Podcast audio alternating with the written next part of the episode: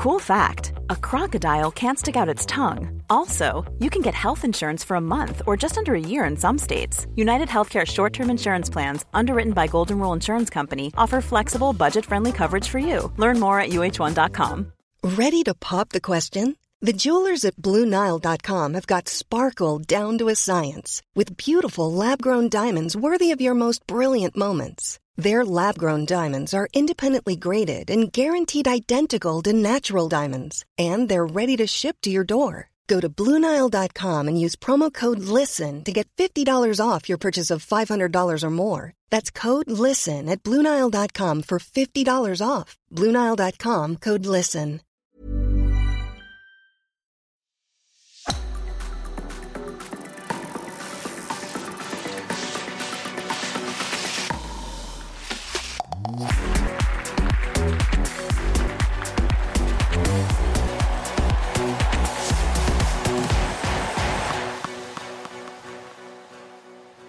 Indre bane er tilbake etter et par uker uten ordinære episoder, men idrettsverdenen har ikke venta rolig på oss. Eh, Vålerenga kunne i hvert fall ikke vente lenger. Eh, der er Dag Eilef Fagermo ferdig som hovedtrener.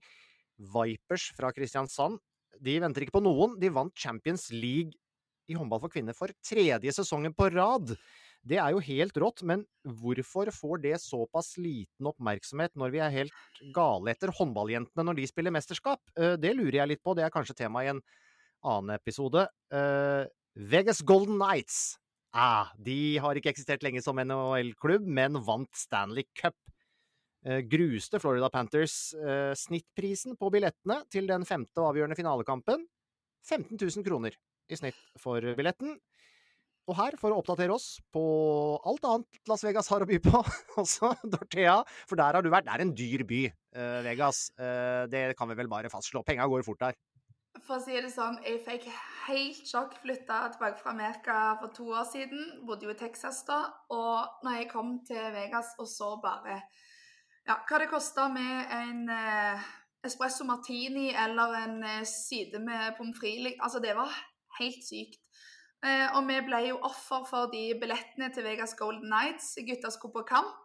Og det var 5000 billetten, det. Og Ja. da presterte jo min eh, samboer å kjøpe feil dag. Det var i dag kampen var, ja. Og han trodde det var i morgen. Så han fikk heldigvis solgt de videre. Men vi fikk helt bakoversveis med de billettene. Og det er en stor arena, Asbjørn. Så det er mye plasser. Så de prisene der, det er ja, helt gale. Ehm, du farter jo bare rundt, eh, men du har hatt det gøy i det siste. Eh, Vegas, og så rett til Paris. Vi skal snakke mer om Roland Garros også, men eh, ja, hvordan, er, hvordan går det generelt? Hvordan er livet? Går det fint? Ja, det går bra. Jeg var jo ja, eh, hockey-VM, og så hjem en dag, og da ble jeg forlova. Så Oi, det var jo veldig koselig. Takk. Eh, og jeg presterte jo da å miste forlovelsesringen min i Las. Vegas. Men jeg fikk han, fikk han tilbake etter en dag. Jeg mener han ble stjålet, de andre mener jeg mistet han. Ja. Men eh, de fant han i skapet til ei av vaskedamene på restauranten vi var på dagen Oi. etterpå. Eh, jeg tror jeg la han litt sånn klar til huden og ta han. Ja. Eh, men eh, ja, så det Og så hjemme en dag, og så Roland Garros, som ble da en evig lang opptur, kan vi si det. ja. Og en bonus egentlig hver dag jeg fikk på jobb der. Jeg fikk beskjed at eh, du får være i Paris så lenge Kasper vinner. Og han vant jo helt til siste dagen, så det var sykt, sykt kjekt. Og ja, litt sånn klyp meg i armen egentlig å sitte på Philip Chatrier. Men med, men med Las Vegas, forlovelse, eh, jetlag, mistring Det høres ut som du har vært med på en sånn ny, en, eh, ny sånn hangover-film, egentlig. ja, ja, ja. Ja, det var, har vært eh, full rulle. Så nå landa fra Paris mandag ettermiddag. Eh, tok eh, med meg bikkja og pappa. Kjørte elleve timer. Tok eh, Horten-Moss ned til Skåne. Kom fram i går kveld i ny leilighet. Så nå sitter jeg her i 27 varmegrader uten gardiner eller lys i ny leilighet i Sverige. Så nå er det rett på Ikea etter podinnspilling. Men eh, nei, for, ei, eh, for noen uker. Du skal få litt eh, fri nå altså, når vi er ferdig med den episoden her, for dette er den siste indre bane før, før sommeren. Så er vi tilbake i august. Men man kan jo bli rett og slett ør i hodet av hvordan norske utøvere presterer om dagen. Det er jo helt rått, og det i de aller største idrettene. Derfor Dorthea, selveste toppidrettssjefen, blir med oss litt senere i denne episoden for å snakke om norske triumfer. Eh, vår golfekspert Marius Torp skal bli med for å snakke om US Open som spilles denne helgen, og om den overraskende vendingen i forholdet mellom PGA og den saudiske eh, golfsatsinga. Og vi skal snakke ganske mye fotball, både om Manchester City og det norske herrelandslaget, men først må vi tilbake til Paris. Eh, for andre året på rad så ble det altså finale i French Open på Kasper Ruud. Det er hans tredje finale på de fem siste Grand Slammene. Han var nærmere denne gangen uh, enn han var mot Nadal i fjor. Mye nærmere, men jeg følte mye sto og falt på det første settet som ble avgjort i tiebreak. Hadde han tatt det, uh, Dorthea, hadde han da hatt en, uh, en mulighet mot Djokovic? Jeg vil si det. Og jeg satt første rad eh, ved siden av eh, Mats Wilander. ja, din nye bestevenn? Ja, min ja. nye bestevenn. Du hadde jo oss på kamera hele uken, du, og vi bare satt og jabbet. Jeg glemte jo at jeg skulle, skulle på, til og med. Men eh, han sa det at eh, ta Kasper dette, så er det nesten litt 50-50. Eh, og det er sykt å si, men det er mest pga. det mentale. For det som ble resultatet da etter Djokovic våkna i det tiebreak og tok første sett, var jo at han bare kjørte på motorveien mens Kasper var i sone 40. Altså, mm. han tok Han bare kjørte helt ifra. Og det er jo ikke det at han ble en sykt mye bedre tennisspiller etter den dopausen, men det er det mentale overtaket han fikk. Det settet er en sånn heartbreak av et tennissett. Det er vondt å se på, og det må gjøre vondt å tape. Og det var jo en helt annen intensitet Kasper kom ut med i begynnelsen av andre. Så hevde han spillet sitt og intensiteten sin. og det er veldig lett å sitte og se på. Men å stå utpå der når du har det første settet i din andre finale, eh, og du er mot Djokovic og vet at Jeg husker jeg sa det før finalen til media som ringte sånn Dette blir perfekt finale for Kasper. Møter Djoko. Jeg tror han klarer å ta han nå. Han tenkte nok sjøl òg. Og så var du så nærme med å få drømmestart. Så ja, jeg syns det første settet liksom prega kampen litt for mye, da. Eh, og det er det jeg sitter litt igjen med, og det er nok verst for Kasper sjøl. Uh, og eh, Djokovic så jo prega ut. Han har jo snakka om det. Han er 36 år nå, fysisk ikke helt der han har vært uh, tidligere. I det første settet så, så, var han jo nede der. Han liksom klarte knapt nok å ta opp et nytt håndkle. Han måtte liksom stå og hvile seg litt på kassa der, ikke sant? Hver gang han skulle ta altså, opp et kaldt håndkle. Og han så jo ikke bra ut. Han stupte Jeg ble helt fascinert. Ja, han, han, gikk over ende der den ene gangen, ja. Snubla i sine egne bein. Altså, en ting er jo sånn, Ja, det kan jo være skuespill og litt dramatisk. Ja, han, jo, han står jo og tøyer selv om jeg vet at han ikke har strekk, liksom. Men når du skal, da skal ta opp et håndkle fra denne benken, så kan du bare løfte det med hånda.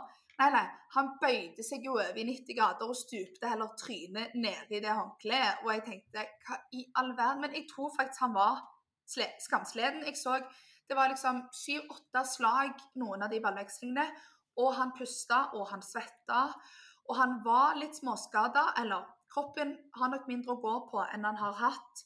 Eh, og det som har vært litt problem med Joko òg, han er jo Jeg vil si han er kanskje en av de mest profesjonelle og har vært det i alle år.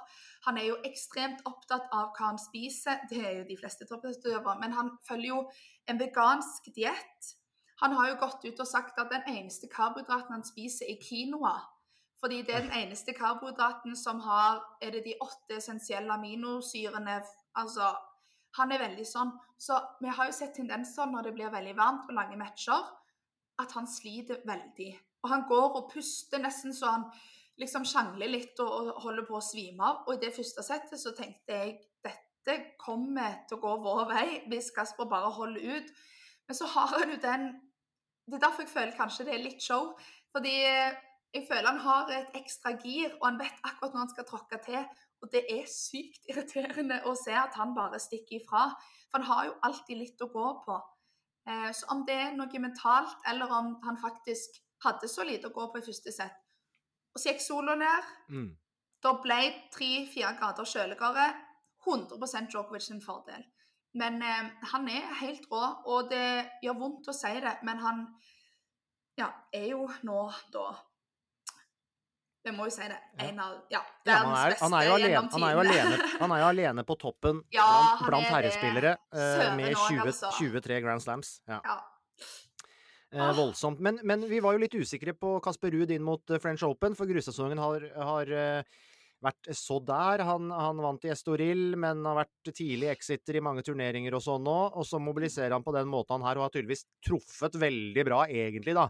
Eh, for det handla jo mye om også å forsvare de poengene han tok med seg i fjor. Det, og det har han snakka mye om. Det har jo hengt over Kasper som en litt sånn det har virka litt tyngende at han har visst at hvis jeg ryker tidlig i French Open, så mister jeg alle de poengene, eller nesten alle poengene, fra i fjor. Det vil føre til et kraftig fall på rankingen. Dårligere seeding, vanskeligere i kommende turneringer osv. Um, hva kan du si om det Kasper leverte her, og hvordan han- liksom har, har truffet med formen, tross alt? Ja, jeg er jo litt delt på det, eh, fordi jeg tar jo meg sjøl i å være sånn Dette var en bonus. Altså, Herman, så kjekt det var at han gikk til finalen, og så bra han spilte, men så var han i finalen i fjor. Og så har jo jeg vært sånn, som du sier òg, litt sånn innledende i grussesongen, at det har vært skuffende. Men allikevel så var det jo ikke bedre enn i fjor.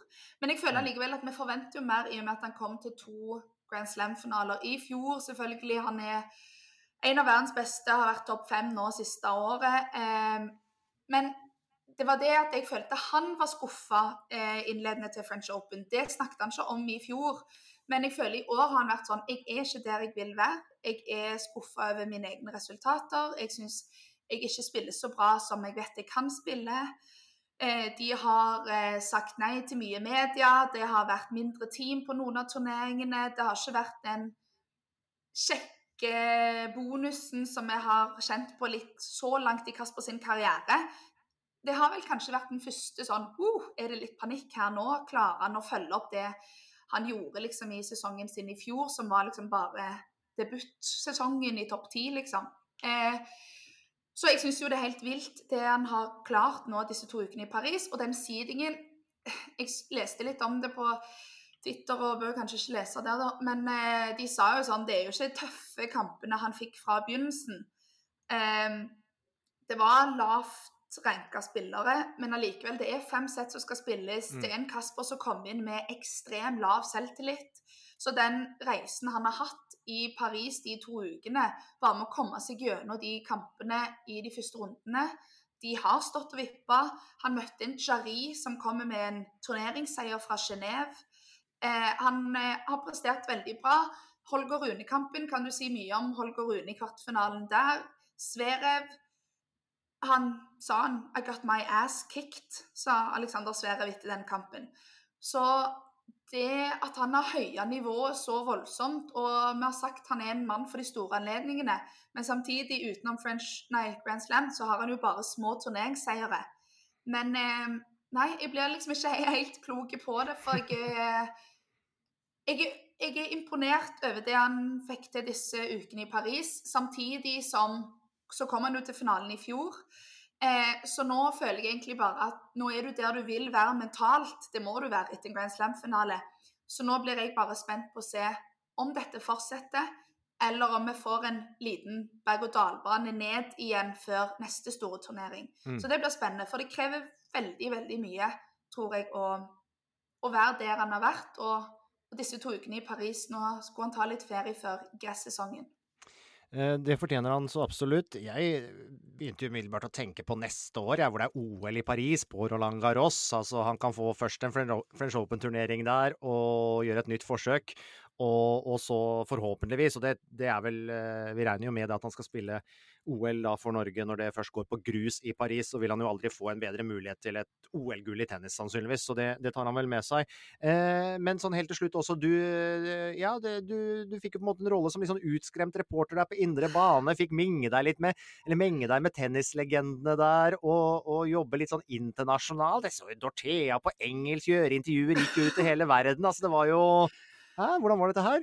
Jo, jeg måtte skru på Texas-accenten min der. Nei, eh, jeg Og det Jeg var der hver dag og tenkte Altså, det må jeg si, jeg var livredd når jeg dro ned. Det visste du, Asbjørn. Jeg var sånn ja, dere skal sende meg til Paris helt alene. Så sa jeg dere ja, det er kolleger fra de andre landene som vet at du kommer. Og jeg tenkte jeg kommer til å bli verdens minste person. Altså jeg er jo ikke fysisk liten, men jeg kommer til å føle meg som bare skikkelig mini og føle at her hører jeg ikke hjemme. Jeg vet ikke hva jeg skal gjøre. Og så kom jeg der.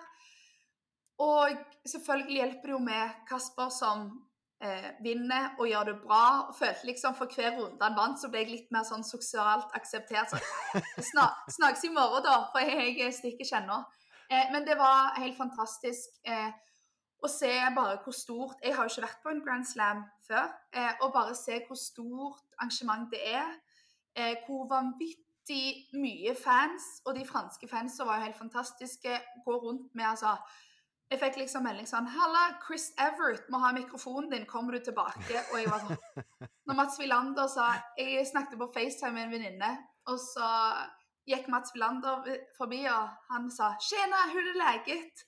Og så svarte jeg det, og så sa Alexandra, venninnen min, 'Hvem var det?' Så sa jeg 'Nei, det var Mats Wilander'. Ja, du eh, Så det har vært en drøm. Um, det blir ikke nedtur å sitte i studio i Oslo, men det blir litt nedtur. Det blir litt, ja, det blir litt annerledes. Uh, uh, og, men uh, det er vel fortsatt sånn at, at Mats Wilander og, og, Chris Evert og Alex Correja de har, de har, litt, de har litt, mer sånn egne kabiner der, og med sofa og, og kjøleskap og sånn, som du kanskje ikke har fått ennå. Men stemmer det at du ble utstyrt med egen bodyguard der? ja. På finaledagen så Og ja, de har kjøleskap og sofa og alt. Jeg fikk et hjørne som jeg måtte stå i. Ja, ja. Og da meldte jeg jo deg, og da sa du det er forskjell på norsk og internasjonal TV. Mm. Så da, Men eh, jo, siste dagen så kom det en bort og sa Are you Norwegian talent? Og jeg uh, Yes, sa jeg bare da. Uh, let me know if you need any help with the crowds. I will be your bodyguard. Oh, det er helt rått. og jeg bare Men det er jo fordi de andre de internasjonale eurosportekspertene er jo tidligere toppspillere, alle mann. Jeg har jo jeg har jo pokal, da. Men ja, det var det. det er jo ikke helt det samme. Så de må jo ha altså Mats Wilander kommer seg jo ikke til Philip Chatrier uten å ha en ved siden av som tar vekk folk. Men min han gikk liksom og dabba to meter bak, og jeg var litt sånn Å, kan jeg gå og kjøpe meg en is nå, eller blir det kleint? Men eh, fikk være stjerne for en dag, og så kom jeg fort ned på jorden og kom hjem på yatta. Men eh, veldig, veldig, veldig gøy. Så en eh, veldig kul mulighet, og følte jeg prøvde å nyte hver dag jeg fikk. Jeg gir det, gir det to-tre år, så må du ha to bodyguards for å komme fram til iskrembarn eh, på Roland Garros. Eh, veldig bra. Eh, next up er altså Wimbledon. Det går veldig fort dit òg. Da skal vi også følge med på Kasper og se alt annet som skjer på gresset der.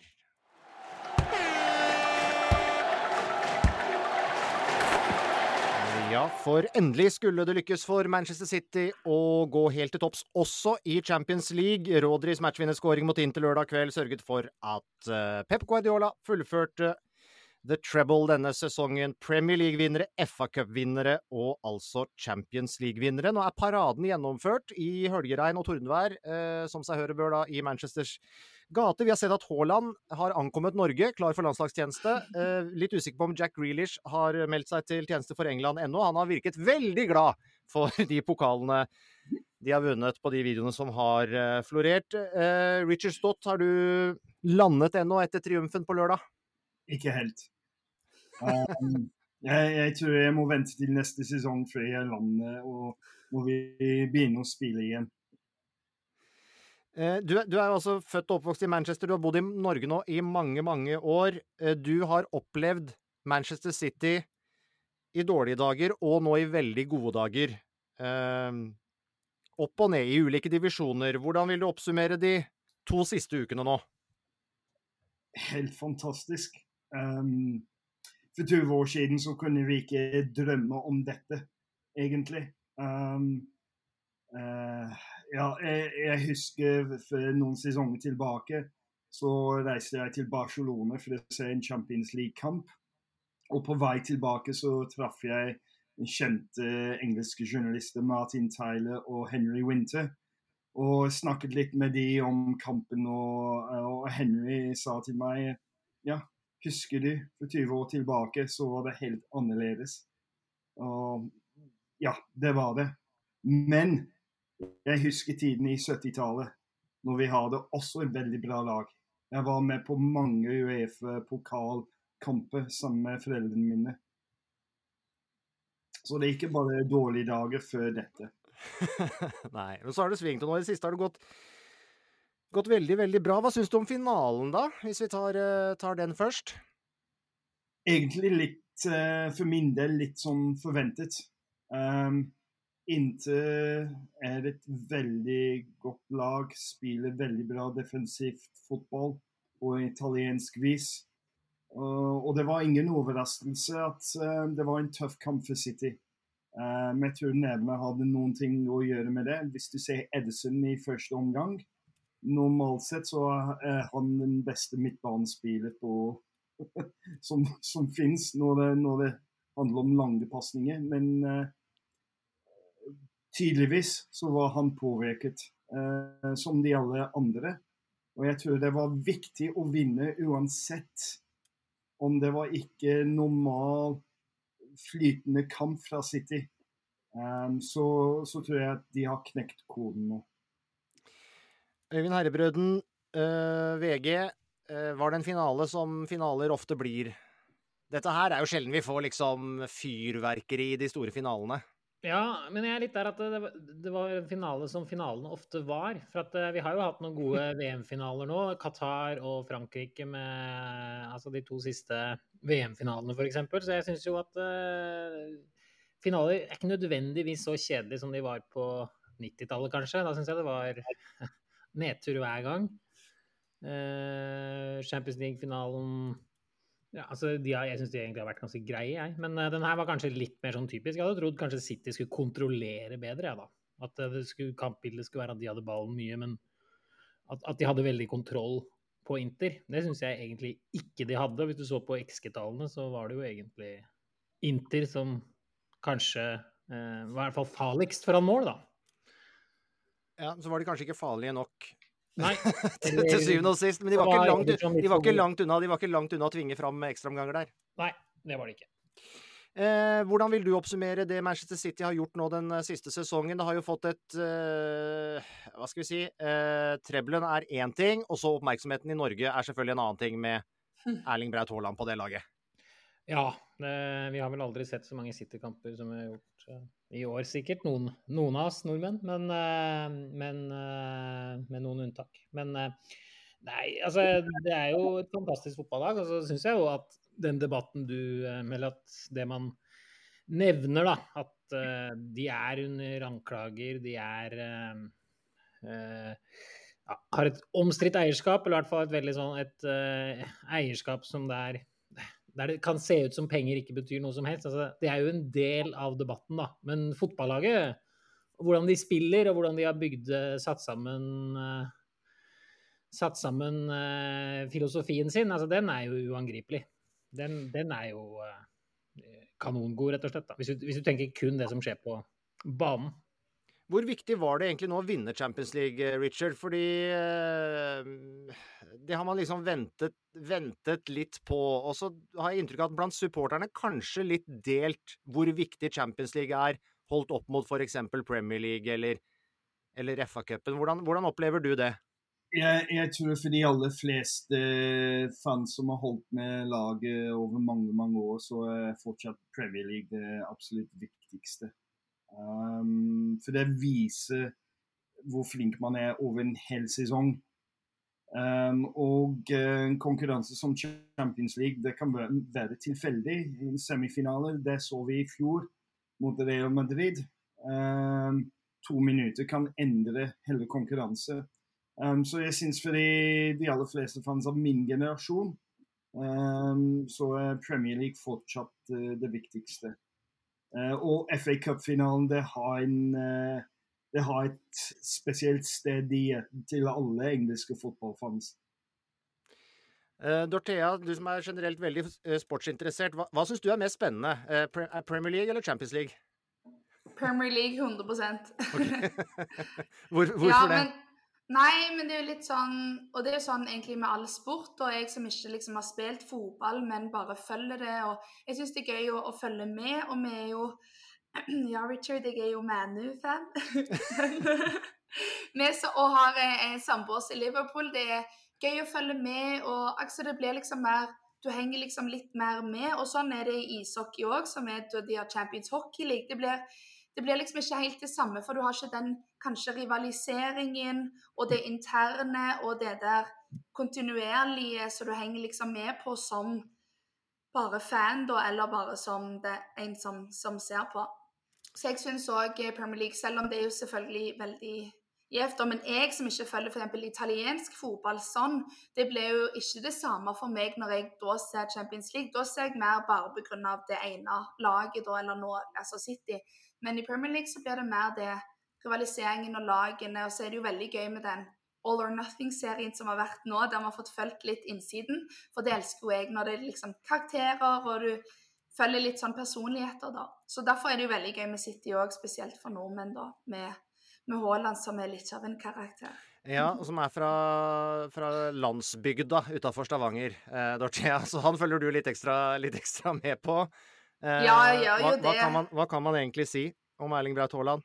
Nei, jeg syns han er steinkul. Jeg syns han er helt rå. Og så føler jeg han gjør liksom Han bygger skikkelig sånn image. Når Han hadde en ny push på seg, og privatfly. og Skulle jo søren meg trodd prinsen kom, landa i Norge når eh, Haaland landa der på Gardermoen med presse og privatfly. og Det er dritkult. Og de engelske òg. Altså, du så Grealish med liksom vodkaflasker, de hyller festing, og, og, det er jo skikkelig show rundt det, da. Og damene som har eh, lyseblå Chanel-vesker som matcher lagdrakt altså, Jeg digger jo det òg, jeg. det, er også, det er også et aspekt ved det. Men, men uh, Richard, altså vi har jo hørt uh, Erling Braut Haaland blir kritisert for ikke å være for nok med i spillet. Han har ikke nok touch. Uh, han skårer bøttevis med mål. Eh, og så har han levert en første sesong som han har gjort nå. Uh, ja, hva, hva, hva, kan man si? Hva vil, hva vil, du si om det Erling Braut Haaland har bidratt med inn i dette City-laget, da? Jeg syns uh, alle må være litt redd. For de aller fleste spillere tar en sesong til å være vant til Guardiola-stilen. Og hvis det er hans første sesong, hva kan vi forvente når han er vant til måten City spiller, og alle de andre rundt ham er vant til hans måte å spille? Um, det lover godt. Og det har vi sett for eksempel, det har vi sett med mange spillere hos City gjennom de årene. Rodry, som er kanskje viktigste han viktigste spiller for City for øyeblikket. Ikke bare som han, han skåret mål i finalen, men han, han, er sentralt til alt City gjør. Uh, hans første sesong var ikke noe stor suksess. Jack Grealish, Riyad Mahrez. Jeg kan gå gjennom en hel liste av folk. Uh, det er få unntak. Ruben Diaz, f.eks. Um, og, og det Ja, Haaland har hatt en fantastisk sesong, men jeg syns alle andre i Premier League og i Champions League bør være litt redd nå.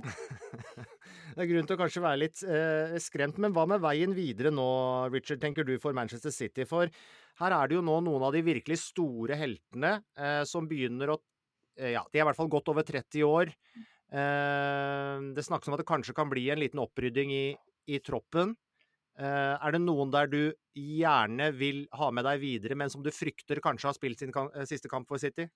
Um, City er gjennom de årene, spesielt med Guardiola, gått gjennom en prosess å bytte ut spillere som kanskje folk tenkte var ganske sentralt til måten City spiller, og gått videre. Og fant nye spillere til å erstatte dem. Så jeg håper at Gundo blir med videre. Han er så intelligent som spiller. Um, men det er en fare for at han går et annet sted. Um, Bernardo har snakket om å kanskje flytte til Spania, eller ja. Men de er to fantastiske spillere. Det er også spørsmål over Riyad Mahrez og en tilbud fra Saudi-Arabia osv. Um, alle tre fantastiske spillere og vært veldig sentralt denne sesongen. Um, men det City har vist, er en evne til å erstatte spillere som har gått videre. Um, og vi så i finalen, når Phil Foden kom inn for, for å erstatte Kevin De Bruyne Der ser du hva som kommer til å skje i fremtiden. Når, Eh. når De Bruyne blir for gammel, så er det Foden som kommer til å styre sentralt midtbanen hos City. Øyvind, de beste trenerne de vet jo når det er på tide å på en måte skippe spillere videre. Eh, og slippe til friskt blod og på en måte de som er topp motiverte. Eh, det har Guardiola gjort før. eh, Ferguson eh, gjorde det jo med hell. Eh, hvor tenker du veien videre for eh, City går? Er det grunn til alle motstandere å frykte framtida, sånn som Richard skisserer her? Ja, det tror jeg nok. Eh, har jo, de har jo tatt grep underveis i sesongen spillemessig i år, da med Stones i en helt vanvittig ny rolle som absolutt ingen så komme. Barnsley Beckenbauer, som han eh, er kjent som. Eh, Så det blir jo spennende å se hvordan de tvister spillet ytterligere videre, da. Men som du sier, Asbjørn, så er jo, hvis du ser på troppen, så er jo de er jo stort sett rundt 30 hele gjengen. Eh, minus Haaland og, eh, og Foden, da. Eh, og han har jo egentlig vært Han har ikke vært i en toppa City-elver i år, Foden. Han var kanskje inne i starten, men han har jo en- kanskje, kanskje vært en ørliten skuffelse, faktisk, denne sesongen her. Så det blir meget spennende å se hvordan de skal bygge videre. Men eh, tror, altså, nå leste man vel at Guardiola blir i City to år til, og det høres jo veldig fornuftig ut. Det tror jeg til og med var noe snakk om da Haaland signerte, at han hadde en slags garanti om at eh, Guardiola skulle skrive på ny kontrakt, og så skjedde det rett etterpå. Så eh, at han blir her i to år til, betyr vel at, at han kommer til å gjøre noen eh, Kanskje noen endringer, men det betyr nok også at bærebjelkene i det laget her kan være der så lenge Guardiola er, da. Eh, de, eh, Gündogan eksempel er jo så smart at eh, han kan jo spille så lenge han gidder, antageligvis på det nivået der. sånn. Han, eh, og De Bruyne også har jo Men må kanskje, må kanskje hviles oftere, da. Eh, jeg tror kanskje at han ikke spiller eh, spiller hele tida. Det gjør han jo for så vidt ikke nå heller. Men at han kanskje kommer til å spille litt mindre. Men han tror jeg også tåler eh, Det har han jo vist før. Han tåler jo mye og tung matching. Så Men noen endringer blir det nok helt sikkert. Kyle Walker er jo fortsatt kjempegod, men han er ved 33 nå, så der vil det sikkert bli noen endringer. Så, men det kommer jo helt an på hvordan Guardiola skal liksom spille neste år. da. Plutselig setter han jo en du trodde var helt fælt. Plutselig blir Riyad Mares eh, anker, ikke sant? Kyle Walker har i hvert fall gjort en viktig jobb de siste dagene med å støtte Jack Grealish gjennom, eh, gjennom festinga. Så, så det er mulig man har bruk for sånne også i, i det troppen. Eh, Men, men eh, Øyvind, du var jo inne på det. Eh, Og Richard, de, de her anklagene om brudd på Premier League-regler som på en måte henger over, over Manchester City litt. Hvordan forholder dere som supportere dere til, til det? Jeg tror de aller fleste sier at det er noen ting for advokater og, og revisor. Um, men hvis de ser på de anklagene, så som Da har Premier League en vanskelig jobb å, å vise at de har rett. For da må de egentlig vise at City har kommet med feil regnskap i mange år. Og da er det ikke bare styre og eiere som ble anklaget. Da har du revisorselskapet som har signert regnskapet. Og for å vise dette under engelsk rett, det er veldig høy terskel. Så jeg, jeg tror at um, dette kommer til å dra ut, um, dessverre. Um, og det er ikke bare ikke bare De må vise at de har kommet med, som sagt, med farlig regnskap. Og det tror jeg det, det er et veldig proft organisasjon bak City. Eh, det har de vist gjennom alle disse årene, hvordan de har bygget opp klubben, hvordan de har bygget opp City Football Group. Det er kanskje de mest proffe eiere i Premier League. eh, Spesielt hvis du ser i forhold til et lag som holder til i Salford. Um, og det som har skjedd der, Um, dessverre, da det er sånn. Men um, jeg tror det blir veldig spennende hvis man har en interesse for finans. Hvis ikke litt sånn De aller fleste fans, det er litt sånn Det er vårt lag. Um, du kan aldri ta bort den opplevelse av å vinne Premier League og se disse kampene og se disse fantastiske spillere. Uh, uansett hva som skjer i bakgrunnen.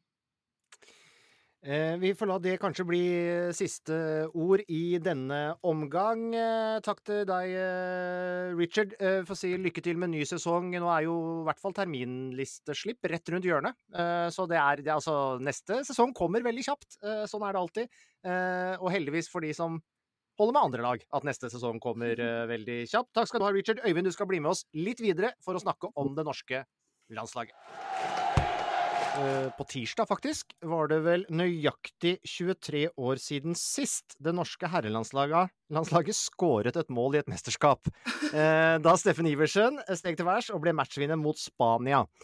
Siden den gang så har Spania blitt både verdens- og europamestere, eh, mens vi ikke engang har kvalifisert oss til noe mesterskap. Nå er landslaget samlet til to viktige kamper mot Skottland og Kypros, etter ett poeng totalt fra bortekampene mot Spania og Georgia så er jo spørsmålet om vi nok en gang rører det bort i en kvalik, og la oss uh, foreløpig bare legge Joker Nord-varianten Nations League uh, litt uh, på is her. Føler du deg trygg på seks poeng i de to neste landskampene, Øyvind? Nei, det tror jeg aldri du skal gjøre i landslagsfotball, for at det er så ekstremt jevnt. Du ser jo det vinnes 1-0, 2-0, også liksom da lag som Spania møter Luxembourg og Kypros, så vinner de jo Altså, iblant vinner de 6-0, men uh, det er jo veldig få Altså, den, fotballen er blitt sånn jevn, og det handler jo mye om risikominimering, tror jeg, da, blant de trenerne. For at uh, de får såpass liten tid, alle sammen, til å bygge lag og taktikk og spillesystemer med landslaget, at du er nødt til å på en måte bare play it simple, og da ofte kanskje litt uh, forsiktig. så um, jeg tror ikke vi skal være sikre på seks poeng, men det er jo det på en måte det er jo det jeg tror folket vil forvente da, i to hjemmekamper, når du ser de to motstanderne. Men så må du huske at Skottland slo jo Spania, f.eks. Ja, og nettopp det du er inne på der. Eh, Skottland vil jo være ganske så happy med ett poeng, apropos ja. eh, minimere risiko. Nemlig. Og det kommer ikke til å gjøre det spesielt lett for Norge, kanskje. Ja. Det vil nok eh, kampbildet også bære preg av. Eh, så er det jo litt sånn nå at eh, der vi kanskje ikke var så gode på å styre kampene for bare noen år siden, så har vi liksom uh, to veldig gode offensive spillere nå som trives i det kampbildet. da. Og du har også en spiss som på en måte kan brukes på mange forskjellige måter, så lenge han uh, kommer i slag. For han er, uh, når du er både rask, rask svær og sterk, så altså, I City har han jo vist at han skårer uten bakrom, han skårer med bakrom. han skårer på innlegg. Eh, han eh, kan skåre på raske angrep og lange angrep, så der har jo Norge selvfølgelig en, eh, en fordel nå, da, som vi kanskje ikke hadde for bare tre-fire år siden. Et annerledes Norge. Men jeg vil jo tro altså Solbakkens fotball passer nok best når det går raskt framover. Altså det er det han også ønsker, tror jeg.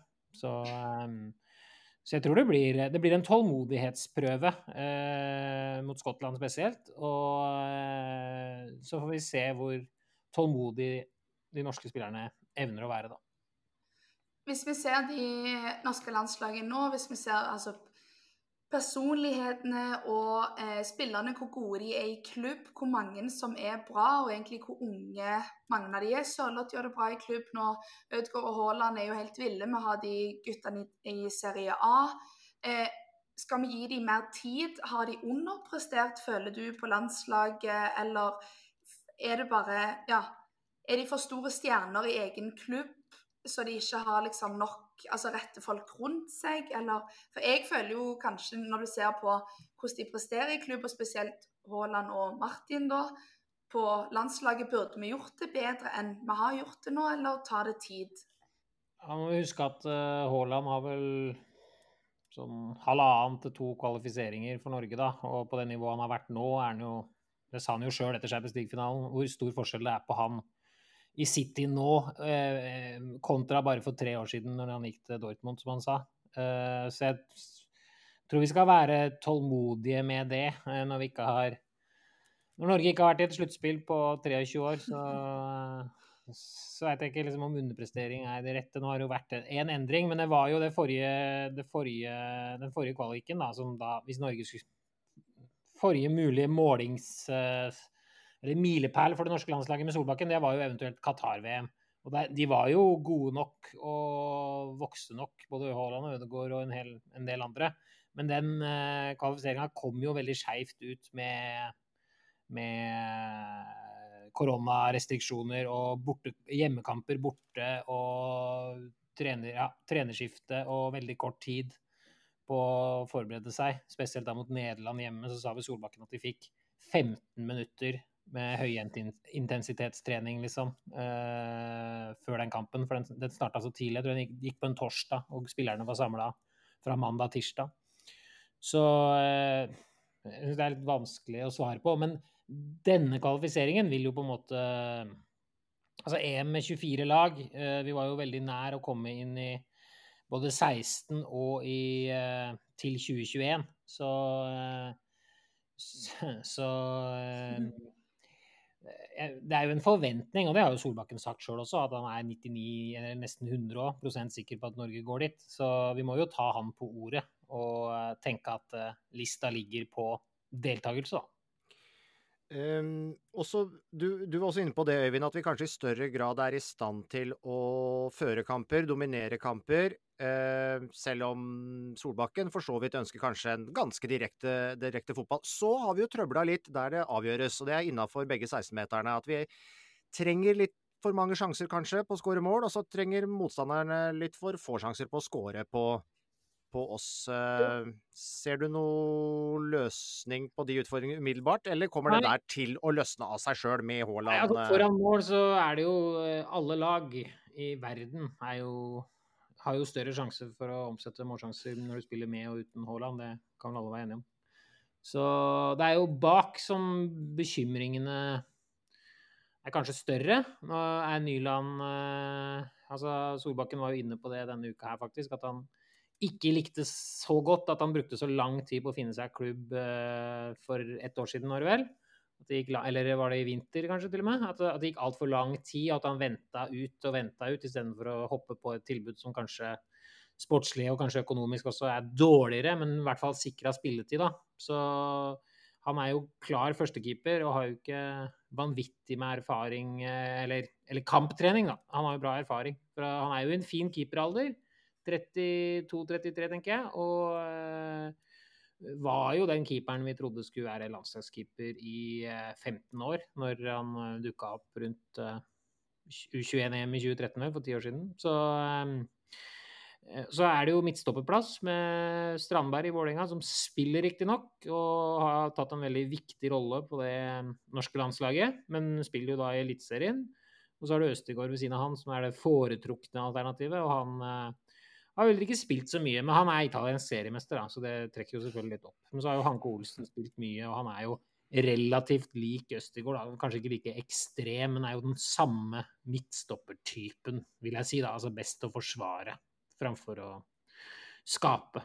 Så, men, det, men, helt klart, det har, det, har ikke, det har, ikke, skjedd noen endring der de siste, de siste, de siste året, egentlig. Så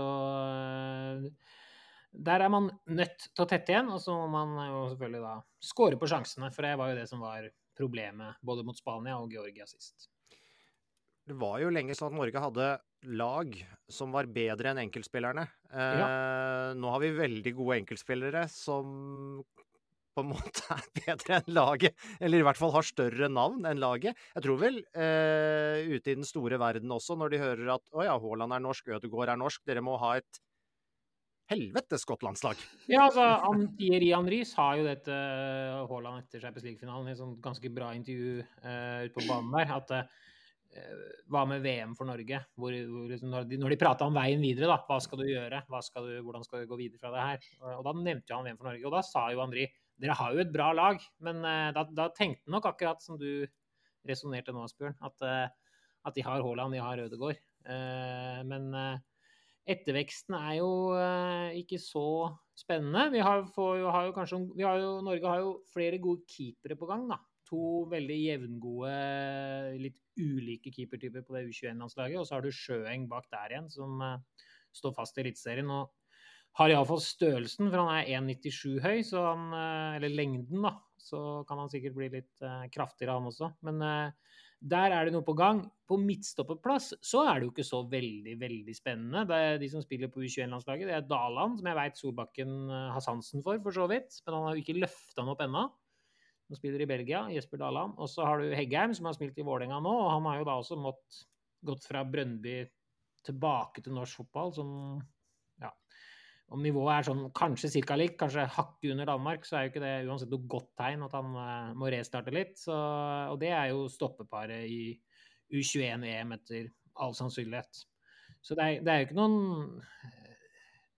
Den mest spennende stopperen som kommer nedenfra, det er kanskje han som er i FCK, som heter Eaton Amundsen Day eller noe. Han har i hvert fall fått gode skussmål i Danmark, og det er ikke, eller i FCK, da, og det er jo ikke uvanlig. Eller det er jo ikke nødvendigvis vanlig når du er norsk, men det er mulig det navnet er såpass internasjonalt at sjekke hvor han kommer fra.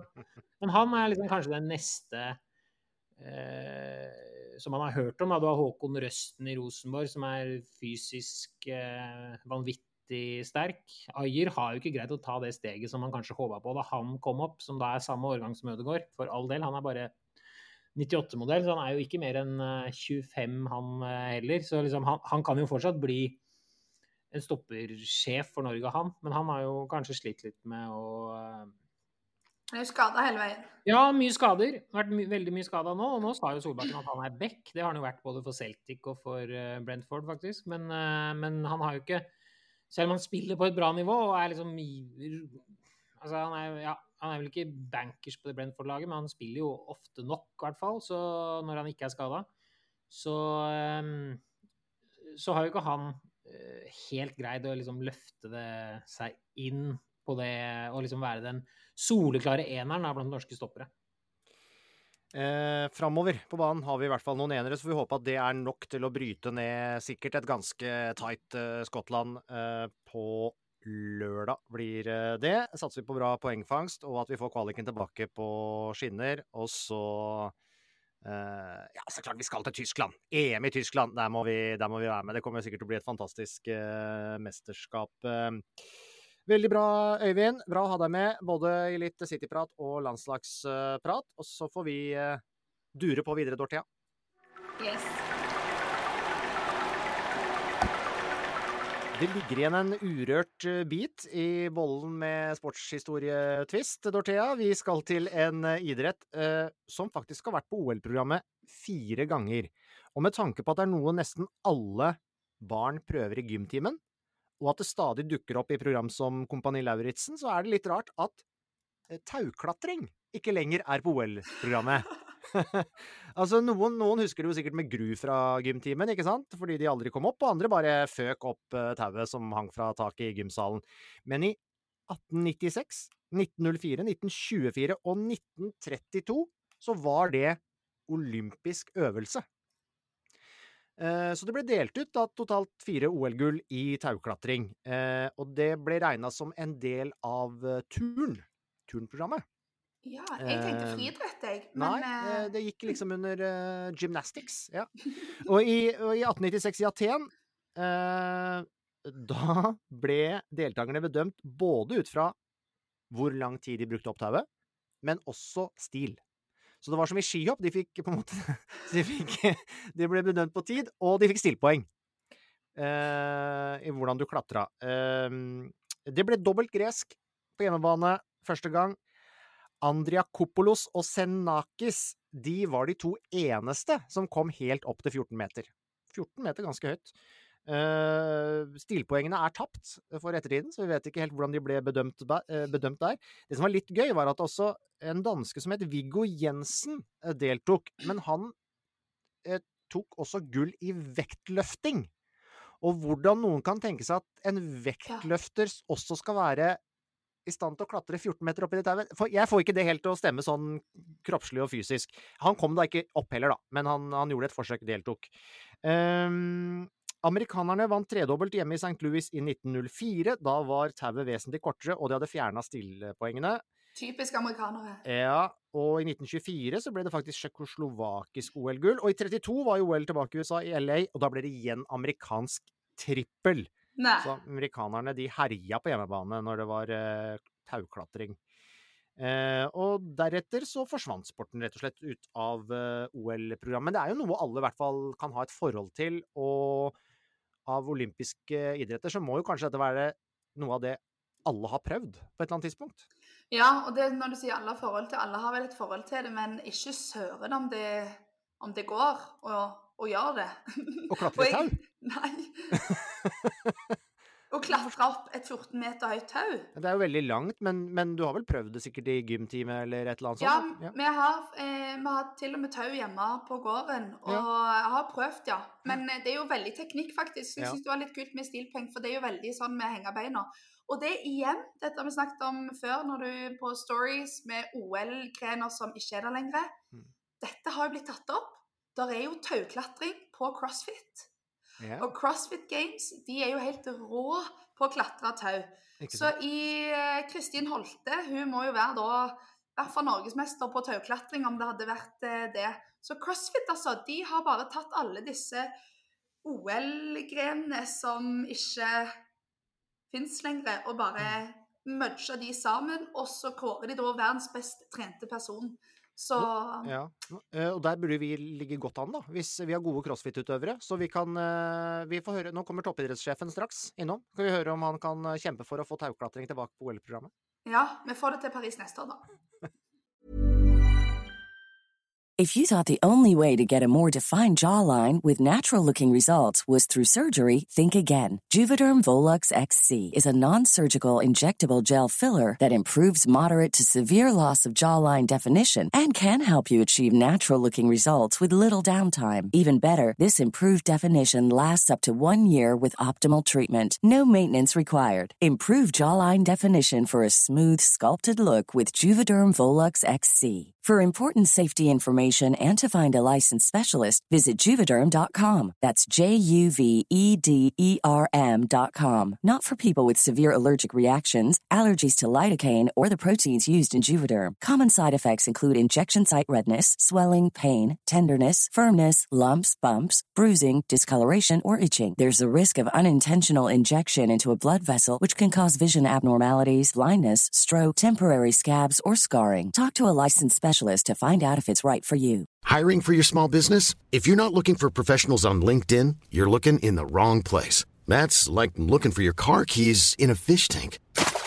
LinkedIn helps you hire professionals you can't find anywhere else, even those who aren't actively searching for a new job but might be open to the perfect role. In a given month, over 70% of LinkedIn users don't even visit other leading job sites. So start looking in the right place. With LinkedIn, you can hire professionals like a professional. Post your free job on linkedin.com slash people today. Ryan Reynolds here from Mint Mobile. With the price of just about everything going up during inflation, we thought we'd bring our prices down. So to help us, we brought in a reverse auctioneer, which is apparently a thing.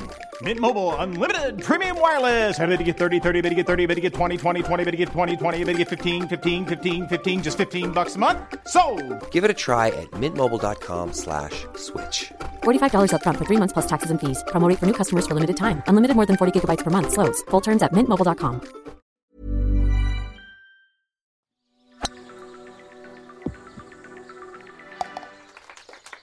årets eh, tredje major-turnering i golf står for døra denne uka. Det er US Open og en av eh, favorittene. Og en som eh, ja, oddsen synker på nærmest for hver time. Det er jo Viktor Hovland. Etter det han presterte i The Memorial, eh, Marius Torp. Der hadde du deg noen eh, gode dager. ja, ja, vi valgte riktig. eh, Vi trakk vinnerloddet og var på riktig sted til riktig tid, det må vi kunne si. Det var, det var, det var helt fantastisk å få lov å oppleve Jeg tenkte faktisk på Dorthea der når du satt på finalen i, eh, i Roland Gross. Der tenkte jeg liksom, nå, nå får hun Jeg følte jeg kjente inn i følelsen man sitter med som fan og, og liksom eh, skal ha en rolle der og sånn. Man, bare, man føler man har trukket vinnerloddet de luxe når man sitter og ser på eh, Victor kjempe om en av de største titlene i løpet av sesongen, og så går det jo til og med vår vei, må vel være lov å si på slutten der. Så det var en helt surrealistisk opplevelse å få oppleve på nært hold. Vi har venta litt på det her med at, at han liksom skal ta den første virkelig store seieren. Mm. Uh, it's been some time coming, men, uh, Ja. men nå gjorde han det jo og på et dramatisk uh, vis, og Mm. ja, i det, i det hele tatt. Ja, ja, jeg tror han har kjent på det selv også, at liksom han føler at han har nesten noe å bevise med tanke på de han sammenlignes med, da, som vinner majors og, og vinner store turneringer. Han føler han blir nevnt i samme åndedrag, men ikke har de samme merittene å vise til. Og så jeg tror det var veldig deilig for han å bevise det i et startfelt som er knall, knalltøft, med de beste på plass, på en utrolig tøff bane med Jack Nicholas sitt navn på turneringen. eh, Blir ikke sånn kjempemye større, bortsett fra majors, da. Så eh, vanvittig kult å, å se, og var eh, Han var ordentlig blid etterpå, og ordentlig happy og stolt, og det har han jo selvfølgelig all grunn til å være. Det var bare så sykt måten det ble gjort på. Vi, lå på hotellrommet på, så på iPaden i Paris og var sånn OK, vi må bare se det ferdig. OK, han må jo ha bogey hvis det skal gå til play, og bla, bla, bla. Og så så du bare McCarthy ble mer og mer stressa. Skulle ta liksom sin første tittel, og jeg var sånn det kommer til å gå. Og så, Det var jo helt altså Måten det ble gjort på, var jo så kult. Og så sitter liksom Victor der bare og venter og venter, og så ut på rain Altså, det er jo helt spesielt å sitte og vente. Og for dere Mm. så var det òg, og ikke vite engang om man får seieren før liksom etterpå så mye Det var jo drama, rett og slett. Ja, ja, vi var jo såpass heldige at vi, vi kom jo inn i det lokalet hvor Victor sitter og venter der. Vi sto jo egentlig bare, Karsten og jeg og vår engelske fotograf sto ved siden av der. Sto jo bare to meter fra han og får med oss alt det. og altså Han så avslappet, både han og Caddien sitter der bare og følger med. De vet jo hvilke hull han McCarty skal gjennom, og vet at sjansen for at han gjør boogie på siste hullet, er, den er relativt stor. Ja. Uh, for det er et tøft hull hvis de ikke treffer fairway, og det gjorde han jo ikke. Så han var nesten heldig som gikk unna boogie der til slutt òg. og så ser du bare de reiser seg opp, titter på hverandre og bare sier 'let's go'. Går, går opp på ranchen. Altså helt casual, liksom. Ja, ja. Idet den putten går i, så er det playoff. Så bare klapper liksom Victor seg på kneet, og det gjør Shay og bare reiser seg opp. Let's go! Og så går de bare opp på ranchen, slår fem baller. Eh, Jeg følger, fotfølger det jo videre, ikke sant. Jeg løper opp på ranchen med de, de slår et par baller. Så går de bare ned til 18. green, setter seg i en sånn buggy rett bort på 10. Og så tror jeg den store nøkkelen i det omspillet er at Victor, når de skal ha loddtrekning om hvem som slår først, så trekker Victor det loddet om å slå først. Ja. Og da ser du at Victor kartet med en gang den driveren som liksom, Han vet jo at Victor sin styrke er driver, og han bare moser en ned i midten, og da ser du på en måte at McCarthy tenker bare OK. Er, så du, du, ser, ja, du ser liksom mindsetet, du ser veldig forskjell på de to spillerne akkurat der. Du ser hvem som er på, hvem som er, har momentum og har liksom alt med seg, og så ser du en som, som prøver å gå til for, nesten forsvare da, sin plass i, i omspillet. Så da, hele vibben rundt omspillshullet var at det her blir ekstremt tøft og vanskelig for uh, McCarthy å stoppe Victor nå. Det må være veldig gøy å se den psykologien eh, utfolde seg nærmest da, på så, så nært hold. Eh, Mm. Ble det en, eh, ble det en seiersfest der på, på Viktor og deg og Karsten, eller hvordan ble det? Ja, det, de 24 timene vi hadde fra den vinnerpolitikken, de var, de var spesielle. Vi, vi hadde egentlig avtalt at vi skulle liksom være med litt på seiersfest hvis det ble seier sånn i forkant. Og så har vi den ene gangen Nå har vi vært over siden Jeg har i hvert fall vært på turer over da, siden 2016. Dette er den eneste gangen vi har booka søndagsfly. Søndag kveld. Eneste gangen. Eh, Så den putten var jo da Karsten fikk gjort intervjuet, så løp Karsten fotografen opp og pakka sakene. Jeg, ville jo, jeg måtte jo få lov å gratulere, jeg òg, så jeg sto og venta på at han skulle bli ferdig med Golf Channel og alle de, og så ble han ferdig med det og skulle bort på premieutdelingen. Så da måtte jeg bare løpe ut. Så jeg bare løp ut på puttinggrinden rett før jeg skulle ta premieutdelingen. Kasta meg rundt han og ga en klem og bare 'Stolt av deg, kompis. Dette er helt rått. Vi må dra'. Så han bare 'Fader, hva er dere for noe jævler? Dere drar nå?' Ja ja, god tur, da.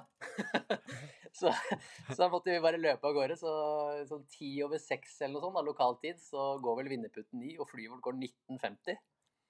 Eh, og det er heldigvis bare en halvtime til flyplassen. Men vi pakker sakene, løper, og så må jeg da legge på sprint fra det, fra det mediasenteret bort til parkeringsplassen. Det er jo to kilometer. Så jeg var jo full Jakob Ingebrigtsen bortover der og bare beina på det jeg hadde. Henta bilen sånn at den var klar, plukka opp de to andre. Og så kjørte da fotografen Karsten og meg til flyplassen. Han måtte levere leiebilen for oss. Kommer løpende inn til gaten, og så står det en kar der bare Ja, dere skal til Washington? Og så Ja, ja, vi veit vi er seine. Og han bare Ja, det kan dere bare glemme. Så vi bare Ja, ja, jeg veit jo det, liksom. Men er det noen muligheter? Er det noe som helst muligheter? Nei, dere må være her minst to timer før.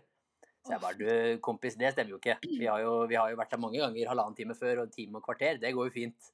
Og han bare Ja, skal jeg hente supervisoren min? Jeg bare Ja, ja, gjør det. Bare gjerne. For jeg gidder ikke å stå og høre på at du ljuger når vi veit vi er for seine, liksom. Kommer supervisoren ut, da. Og bare tenker at uh, her må vi få fiksa. Så hun begynner å trikse og mikse og alt mulig rart. Og så sier bare 'kom med oss, vi løper'. Og så løper vi gjennom TSA-punktet. Karsten må legge fra seg primen han hadde kjøpt til kidsa sine hjemme. jeg, måtte, jeg, måtte, gi fra meg solkrem og after sun lotion min, liksom. Og bare med alle bagasjer bare løpe bort til gaten. Og der står det jo en familie på tre som er på standby, som nesten skal gå om bord. Idet vi kommer, så tar vi plassene vi har tar vi deres plasser, da. Fordi vi, vi, hadde jo de første omgang, men de sto og venta på oss. Og så tar vi deres plasser inn på det flyet med bagasjen. Kommer til Washington eh, 45 minutter etterpå, tar bagasjen ut og løper til skranken. Eh, får bare sjekka inn, og så puster ut, da. Så det, det var helt drøyt at vi klarte det der. Ja, det hørtes heseblesende ut, ja. ja. Så 17 timer etterpå så landa vi på Gardermoen. Så, men altså, lærdommen Columbus, eh, flyplassen der, holder å møte opp sånn halvtime før flyet går. Det går fint. Vi, vi, var der, vi, var der, sånn 1921, så 20, du har 29 minutter. Det går helt fint. Bare få en liten supervisor, så springer du rett igjennom. Spør etter supervisoren. ja, sånn, eh, sånn, er det rett og slett. Men, eh, ja. men det legger vel ikke noe demper på, på gleden av å få vært så tett på den første store, store seieren til Viktor Hovland. Hva så da med US Open? Spilles da i LA denne gangen. Ja. Los Angeles Country Club, er ikke det? Det høres jo ikke så gærent ut, det. Um, og naturligvis uh, Victor en av favorittene. Ja, han er eh, klart blant de topp fem favorittene der nå. Det har jo egentlig både betting og ekspertuttalelser og rankings før viser klart og tydelig at han er eh, Nå som han har tatt denne, så er det flere som forventer at uh, at det skal komme mer fra Viktor. Eh, og det skjønner jeg veldig godt. Eh, det er vanskelig å spå. Når de spiller på LA Country Club hvor de ikke har spilt på så lenge, så er det veldig vanskelig å ha noe særlig historikk eller bakgrunnsinformasjon eller historie å bygge påstander og spådommer på. da. For banen er veldig ukjent for alle. Eh, så det er et litt sånn usikkerhetsmoment hvordan det kommer til å spilles. Men det ligger jo midt i Beverly Hills og kommer til å bli god stemning og bra trykk. og kommer til å bli en heidundrende turnering, og så får vi se litt hvordan det utformer. seg. han er topp fem favoritter. Soleklart. Sjokkert egentlig, Dorthea, du som farter Las Vegas, Paris, hit og dit, at ikke du har lagt inn en tur til LA Country Club. Det syns jeg det er litt overraskende. Det hadde kledd deg, faktisk. Det hadde kledd ja. deg.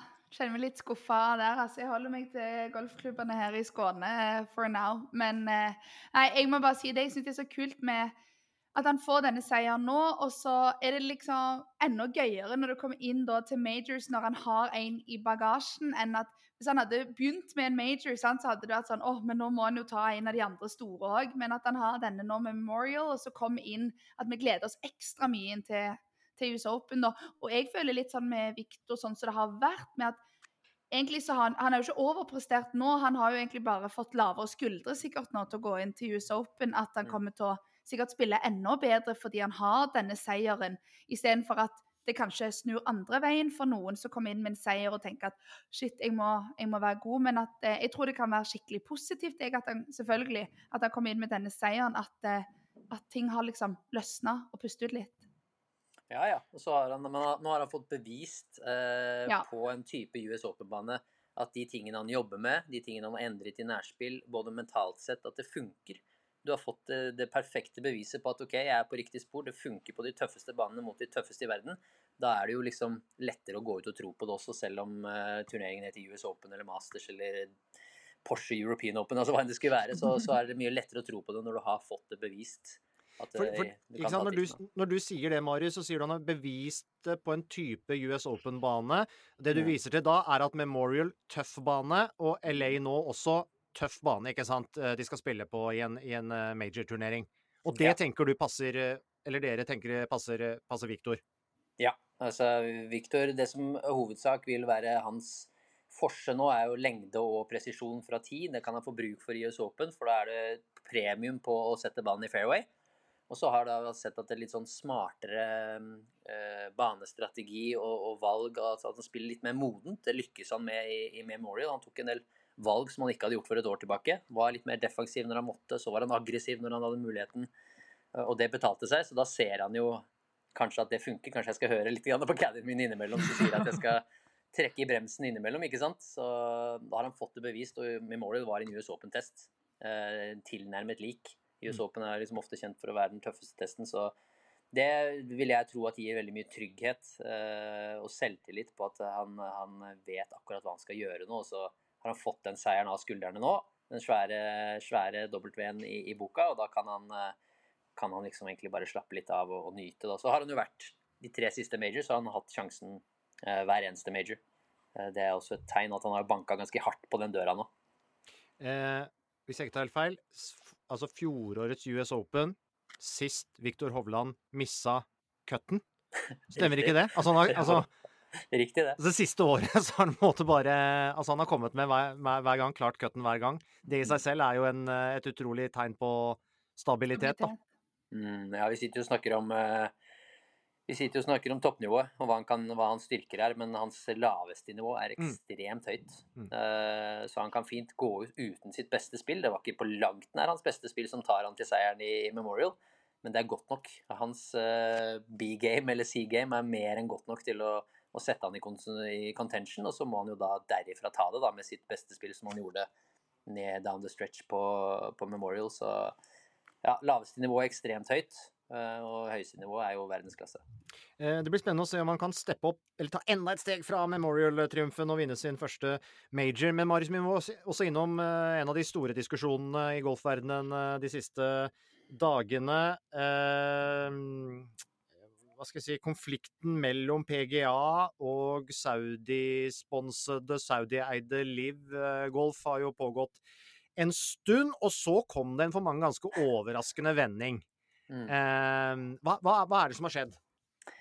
Nei, det er jo da De har inngått en slags framework agreement, da. Eh, og så er det viktig å understreke at det er jo da Public Investment Fund. altså Det er vel de som har eh, fingeren eller har store deler av eierskapet i Newcastle. Også det er disse som er inne. Det er ikke direkte Live Golf. Live Golf er jo da turneringsserien mm. mm. eh, som de eh, finansierer. Men dette er jo da han eh, Yasir, heter han vel et eller annet, som eh, styrer sjappa i Public Investment Fund. Det er jo han Mer eller mindre som, det saudiske oljefondet, på et vis, da. Mer eller mindre. Mer eller mindre. Det er de ja. som inngår en uh, framework agreement med PGA-turen, og så er det massevis av møter og jobb som skal gjøres videre herfra. De har blitt enige om at veien videre er å samarbeide, og så må hvordan utarbeides, da. Hvis jeg skal gjette ut ifra hvordan det ser ut liksom andre steder, så vil jeg tro at PGA-turen kommer fortsatt til å ha ganske god kontroll. PGA Tour sin schedule kommer nok til å se ganske lik ut. Uh, hvis det er en vei tilbake for de som har hoppet over til Liv, så er det på lik linje med alle andre. Er du kvalifisert for å spille gjennom verdensranking eller sånn, så får du lov å spille. Har du falt utenfor, som f.eks. Bryson eller noe sånt, så må du kvalifisere deg inn, som alle andre må. Men det, det åpnes opp for det, da. At veien tilbake er mulig. Det har det ikke vært. Den har jo Jay Monahan uh, låst til fram til nå. Eh, og så er jo diskusjonen hvordan det blir videre derfra. Jeg tror kanskje at det lagkonseptet som Livgolf har vært, det bringer noe som kan løfte eh, de laveste turneringene på PGA-turen, for der er det vanskelig å trekke seere. Det er turneringer som dør ut litt fordi de største må stå av og, det blir lavere felt. Hvordan kan man løfte det som et underholdningsprodukt og gjøre det attraktivt? der kan vel kanskje et lagkonsept være med å bidra positivt. da, At enkelte turneringer i løpet av året går inn i en slags lagserie som, som Liv er. Men at det blir hetende Liv Series, det har jeg liten tro på. Men uh, Liv Golf, slik jeg tolker det, kommer kanskje til å forsvinne nå uh, i nærmeste framtid. Og så blir da uh, midlene til dette oljefondet tilgjengelig for PGA-turen. Så jeg forstår Eh, frustrasjonen og forvirret, altså at spillere er forvirret, og kommunikasjonen fra ledelsen og sånn er jo helt på trynet. Det er ikke noe å legge noe skjul på. Men at dette er en god deal i det lange løp for golfen, det, det er jeg ganske sikker på. Men er det sånn da at f.eks. Brooks Kepka da kan begynne å spille alle PGA-turneringene han vil, bare med en ekstra milliard i lommen fordi han sa ja til Liv i fjor, liksom? Det kan jo fort være at det blir, eh, blir så det kommer til å bli Det er en karamell for de gutta som sa nei til Liv, ass. Det var... Oi, oi, oi. Ja, de kommer til å bli friksjoner her. Det, det er det ikke noe tvil om, og noen vil gå ganske hardt mot hardt her, garantert. Eh, men så er, er det litt uunngåelig, da. Uh, PGA-turen kan ikke tappe sine ressurser tomme ikke sant, med tanke på elevated events. og Det tok mye å komme seg gjennom koronapandemien av midler og sånn. ikke sant, så For at PGA-turen også skal fortsette å vokse, så er de økonomisk avhengige. og da finnes det vel ikke noe sånn veldig større stormakt enn, enn det saudiarabiske oljefondet. Så det er litt sånn uunngåelig sånn økonomisk sett. Pengene rår til slutt. Det er fullstendig uunngåelig. Det går ikke an å komme unnom. Og det gjelder i golfen også.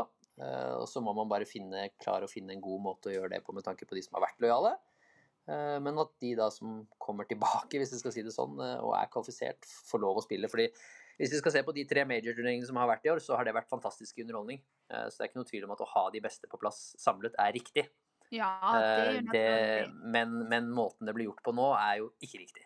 Det har jo, har jo vært ganske tøffe fronter eh, og tøffe ord, i hvert fall som har falt mellom enkelte der, blant de som brøt ut, eh, slash eh, ble, ble på en måte ekskludert, og de som har vært lojale til, til PGA. Da. Hvor, hvor, hvor, liksom, hvor steile og hvor tøffe frontene er der, liksom? Er det sånn at de ikke håndhilser og ser hverandre i øya hvis de møtes tilfeldig, eller? eh, Ja, det er absolutt folk som går rett forbi hverandre her. Det, det er det ikke noe tvil om. Men jeg tror det avhenger litt av McIlroy beskrev det vel bra. At det liksom Det er enkelte folk jeg ikke har noe problemer med. eh, Men de har også vært mer ærlige fra start av. Eh, Dustin Johnson, Brooks Cupka, de har ikke lagt skjul på at pengene er hovedgrunnen. Eh, Og så har du de som eh, har vært mer på at det er lagkonseptet som er den store motivasjonsfaktoren. Det er eh, det å spille mindre. Og så viser jo det seg at det ikke er sant, for de reiser jo borte til Singapore og Asia og spiller andre turneringer for å få verdensrankingpoeng, så det stemmer jo ikke helt det. Så jeg tror det havner i hvem som liksom er ærlig fra start av. Dustin Johnson sa det ærlig fra start av. Det er helt umulig for meg å takke nei til dette økonomisk. Mm. Det, er, eh, det sikrer mine barn og alle mine familier i lang vei framover. Og det er det jo ikke så vanskelig å forstå, da. Selv om man kan være uenig i hvor pengene kommer fra. Eh, og da er det kanskje de som man heller klarer å akseptere. Og så er det de som da har kritisert og gått ut og vært åpenlyst kritiske til PGA-turen og egentlig bare sagt at det er eh, elendig, da. Og at de er, det er dårlig. Det er de som er vanskelig å akseptere at de skal komme tilbake når da de går ut, får penger for det, og så skal få lov å komme og ta kaka igjen. Det, det skjønner jeg at føles eh, feil.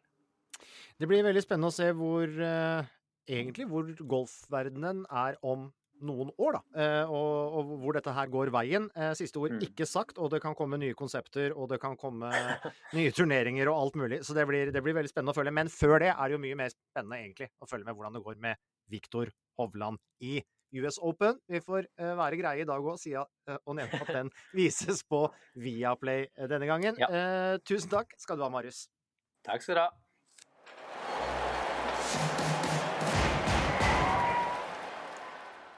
Når vi nå spiller inn denne episoden, så er det nøyaktig 408 dager igjen til OL i Paris. Og nettopp i Paris så har jo flere norske utøvere hevda seg bra de siste dagene, med Jakob Ingebrigtsen som satt ny verdensrekord på den litt ukurante eh, for så vidt øvelsen to engelske mil. 7.54,10. Det er da ikke en OL-øvelse, men det er vel ikke helt umulig at andre verdensrekorder også da er innenfor rekkevidde for eh, 22-åringen fra Sandnes. Noen dager senere så spilte Kasper Ruud en ny Grand Slam-finale i nettopp Paris. I tillegg har vi Viktor Hovland, og vi har de beste spillerne i Premier League, og vi har et par norske kvinnelige fotballspillere som ble Champions League-mestere med Barcelona. Vi har det beste kvinneklubblaget i verden i håndball. Eh, Karsten Warholm er jo ikke engang i gang med sesongen sin. Han åpner på Bislett denne uka. Og så har vi da ikke vært innom snøen som falt i vinter, men vi tok altså tolv gull i ski-VM i Planica. Så vi kan vel si, toppidrettssjef eh, Tore Øvrebø, at det går, eh, det går ganske godt om, om dagen? Ja, det, har, det går veldig bra, og det har gått bra en stund. Eh, vi har jo hatt noen vinter-OL som har kanskje vært vår slags forvarsel på at det er mye som fungerer godt i norsk idrett. Og så er vi spesielt stolte av at det er et ganske stort mangfold av idretter vi tar medaljer i, når dere har glemt eh, vektløfting f.eks. Altså, det, er, er mange ting som skjer i norsk idrett eh, for tida, og det har det skjedd litt over tid. forandrer det noe at vi nå også markerer oss så til de grader i hva skal jeg si, verdensidrettene. I, i, I, de store idrettene. Internasjonal fotball, golf, tennis, friidrett, beachvolley er vi jo gode. Triatlon tok vi OL-gull i, i, sist. Eh, vi er vant med å være veldig gode på, på vinterføre. Nå markerer vi oss jo også veldig i de, i de store idrettene. Forandrer det noe for, for dere? Det er vel mer et uttrykk for at modellen også har begynt å virke andre steder. enn eh, og at det er det som jeg sa tidligere med at vi har et større mangfold. Da, og Det er jo vi veldig glad for. Vi gjør det jo fortsatt veldig bra på vinter. Eh, det har vi jo gjort en stund, så det har liksom mista litt nyhetsinteresse. Det skal vi være veldig forsiktig med. altså. For med en gang du begynner å slekke på ting, så forandrer verden seg. Eh, det er veldig gledelig at vi gjør det så bra på mange sommeridretter så er det jo gjerne sånn at det er én og én utøver sant, i de forskjellige øvelsene. Så det er jo ganske sårbare ting. Eh, og så er det litt sånn små tallstatistikk. Altså Vi har vært i nærheten i en god del idretter. Nå er det mye som eh, klikker inn på rett side, og sånn at vi legger merke til det. Og så er du inne på Asbjørn at, eh, at disse, det som kalles for verdensidrett, at vi gjør det bra der. Men jeg tenker jo at det å bli best i en idrett det er ganske krevende også i de som kanskje går under radaren og ikke kalles for verdensidrett. Det er krevende å bli best i sin idrett uansett. Så, men mye av den samme vinneroppskriften, eh, utviklingsmiljøene har de samme trekkene. Vi har disse eh, toppidrettsgymnasene som har virka ganske lenge, og også utvikla et mangfold på hvilke idretter som de følge opp. Og så er dette i samspill med klubber og forbund og oss etter hvert som de begynner å bli gode. Og så har vi hatt en rekke nå noen år med eh, utviklingsprosjekter som har eh, ganske mange idretter vi har fulgt opp. Som er finansiert av Sparebankstiftelsen DNB til dels og våre egne midler. Og de har hatt en veldig høy treffprosent på, på utviklinga i mange idretter. Så det har jo noe med engasjementet rundt norsk idrett. Mange foreldre som er engasjert. Frivilligheten er oppe og går. Så vi har nok hatt en sånn perfect storm noen år nå med, med både interesse og økonomi og, og, mange idretter som har slått til deg. Jeg vet ikke hva du tenker om det, men jeg, jeg sitter jo av og til med en følelse av at vi som jobber i eh, sportsmedia, litt inn og ut på sida av, av, idretten. Vi, kanskje vi er de som er aller mest opptatt av at vi skal være gode i de store idrettene. Uh, og det kanskje den diskusjonen som ofte dukker opp rundt idrettsgallaen og priser og hele den, den greia der. Og så, så har vi en, eh, kanskje en tendens til å liksom underspille litt nettopp det at hvis du driver med kombinert, så er jo Du kan jo ikke bli bedre enn å bli nummer én. Uh, å bli olympisk mester og bli verdensmester, det er jo det beste du kan oppnå. Det er helt rett, eh, Asbjørn. Uh, eh, det er helt rett at det, det, er vanskelig å bli god uansett hvilken idrett det er. Og så er jo denne Altså Det har noe med at vi er jo sånn at vår idrettsmodell er at vi følger opp der som det er gode miljøer, og der som det er eh, liv laga for topputøvere, topputviklingsmiljøer for ungdommer. Det er jo der vi jobber. Så vi har ikke noe sånn politisk vedtak på at vi skal bli gode i det som dere kaller for verdensidretter. Vi følger opp der det er interesse, der det er gode utviklingsmiljøer. Det er det vi støtter opp omkring. Og så vil det over tid da, føre til en sånn kultur og deling av kompetanse og innsikter på tvers. Eh, trenere som møtes eh, og, og, lærer av hverandre. Så det er jo den, denne helt spesielle forutsetningen som vi har i norsk toppidrett, med at vi klarer å dele så mye kompetanse på tvers av idrettene. Og at mange kompetanseområder klarer å samarbeide på en god måte. Så det er jo liksom, det er jo denne modellen. og Så kan du si at ja da, det var pappa eller mamma som var trener og har drevet dette her og finansiert det. Ja, det er helt rett, det òg.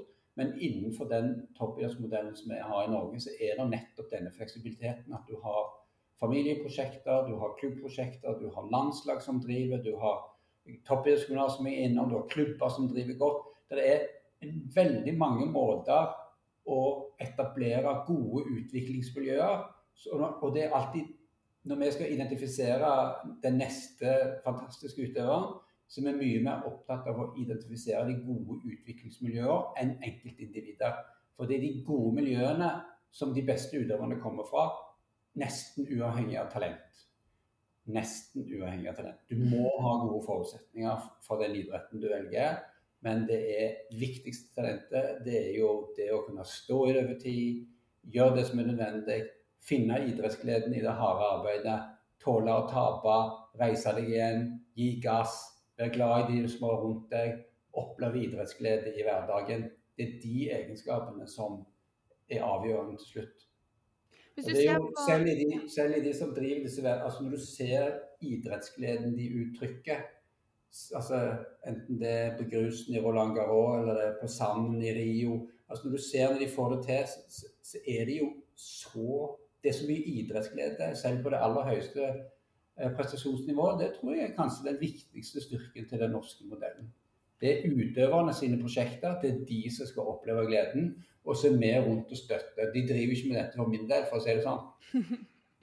Men eh, den lille bølgen, hvis vi kan kalle det det, så er nå eh, hva, hva, gjør dere, liksom? Begynner dere å klø i fingrene? Er det folk blir inspirerte? Tenk så mange som ser på disse norske guttene når de vinner Champions League og kommer til finalen i French Open, og Hovland som holder seg oppe for å se han vil spille på golfen. Hva, blir dere stressa da, eller har dere en sånn Å, dette regner vi med, dette er planen videre.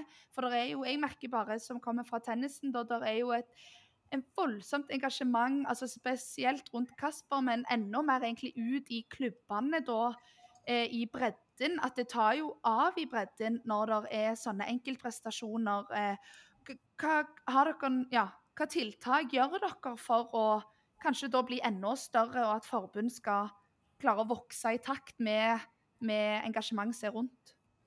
Ja, nå er, det, nå er vi veldig forsiktige med å ta æren for noe som helst. Altså, vi, er, vi er noen som legger til rette. Vi har en god del kompetanse, men idretten drives jo i særidrettene, i cellene, i klubbene, hvor det måtte være. Og så er vi der med en annen type kompetanse og hjelp å løfte de siste nivåene. Samtidig som vi har en del utviklingsprosjekter. Men æres den som æres bør. Det er utøverne, foreldrene, klubbene, forbundene som egentlig driver idretten så har vi en sånn tilretteleggerrolle og bidrar med kompetanse. Eh, men før jeg Altså, ja, vi lar oss begeistre, men vi har jo en viss erfaring i å omgås dyktige utøvere. Så det som er en viktig oppgave for oss, det er jo nettopp å unngå å bli starstruck. Så dette er business as usual. Her er det noen som lykkes. Vi fortsetter å utfordre dem. Det er viktig at vi klarer å være rolige, nærme oss de som individer som fortsatt er i utvikling. Finne nye måter å utvikle seg videre på. Fortsette å utfordre og støtte, sånn som vi har gjort på, på lavere prestasjonsnivåer. At ikke vi blir en sånn heiagjeng i den forstand at vi blir servile overfor dem. Vi fortsetter et utviklingsorgan uansett hvor gode de er. Ja, og kanskje ikke forskjellsbehandle. Det òg må jo være vanskelig òg, når det blir forskjell på f.eks. resultater. Jo, altså en viss forskjellsbehandling. Altså de beste krever jo faktisk mest. Altså De går jo upløyd mark, de er mye alene. og De har et enormt forventningspress rundt seg. ikke sant? Så det å, det å vinne koster veldig mye mer energi enn det å bli nummer tre. Ja. Det, det å være den frontfiguren, det å aldri kunne være helt alene i disse idrettene som er mest populære. Altså, du er på scenen 24-7, du må lage de lommer hvor du kan være deg sjøl, og du må ha venner som du stoler på osv. Så, videre. så det er en veldig krevende eh, situasjon, så den må vi også ha råd til å kunne takle. Men for å lage en liten link da, til barneidretten, og du, det, du snakker om de klubbene som opplever stor tilvekst på utøvere. Og Det er jo en av de effektene som toppidretten har på det norske samfunn. Det er at det blir interessant å drive med idrett. Det blir attraktivt å begynne med idretter, attraktivt å prøve nye idretter. Og det er liksom De beste utøverne har en funksjon på rekrutteringa.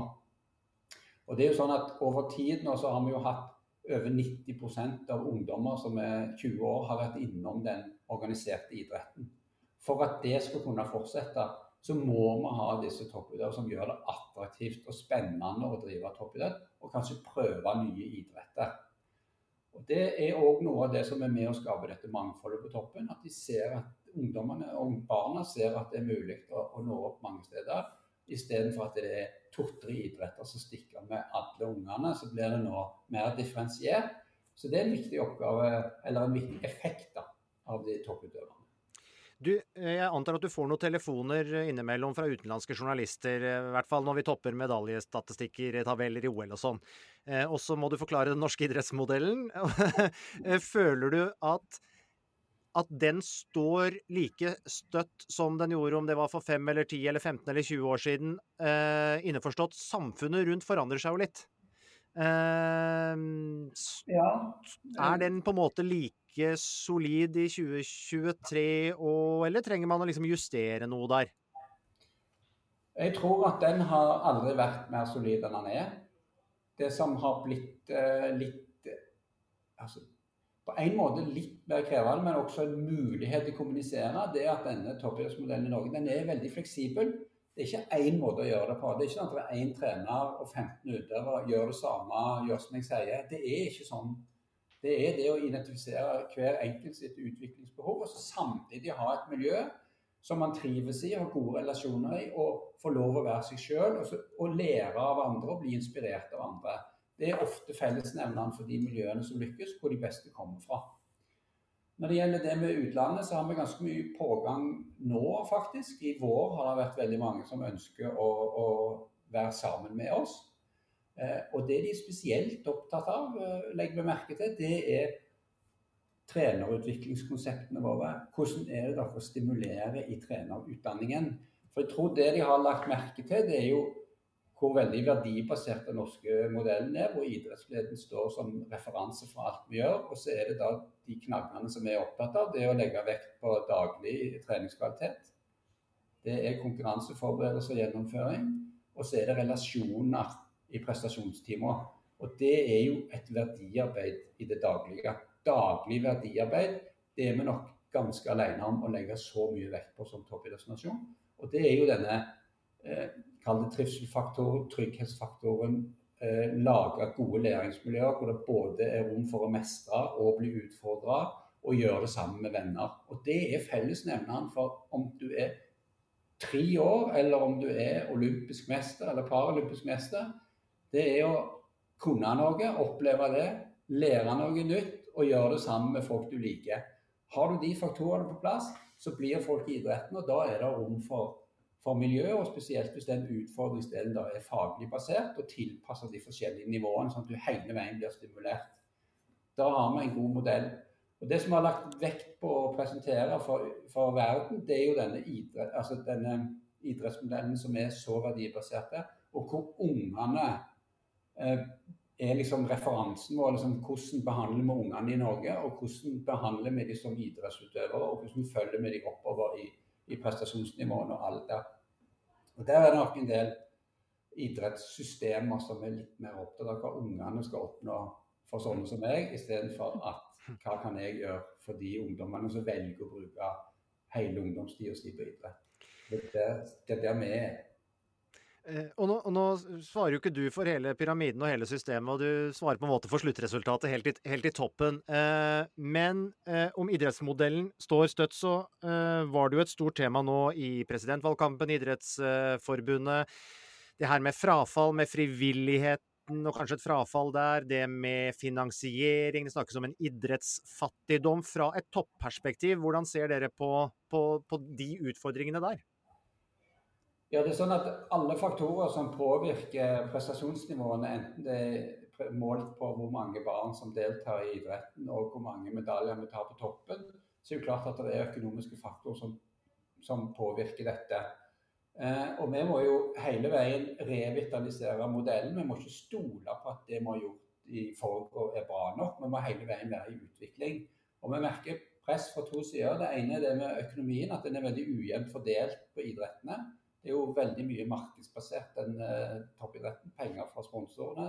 Så vi er veldig glad for de som bidrar.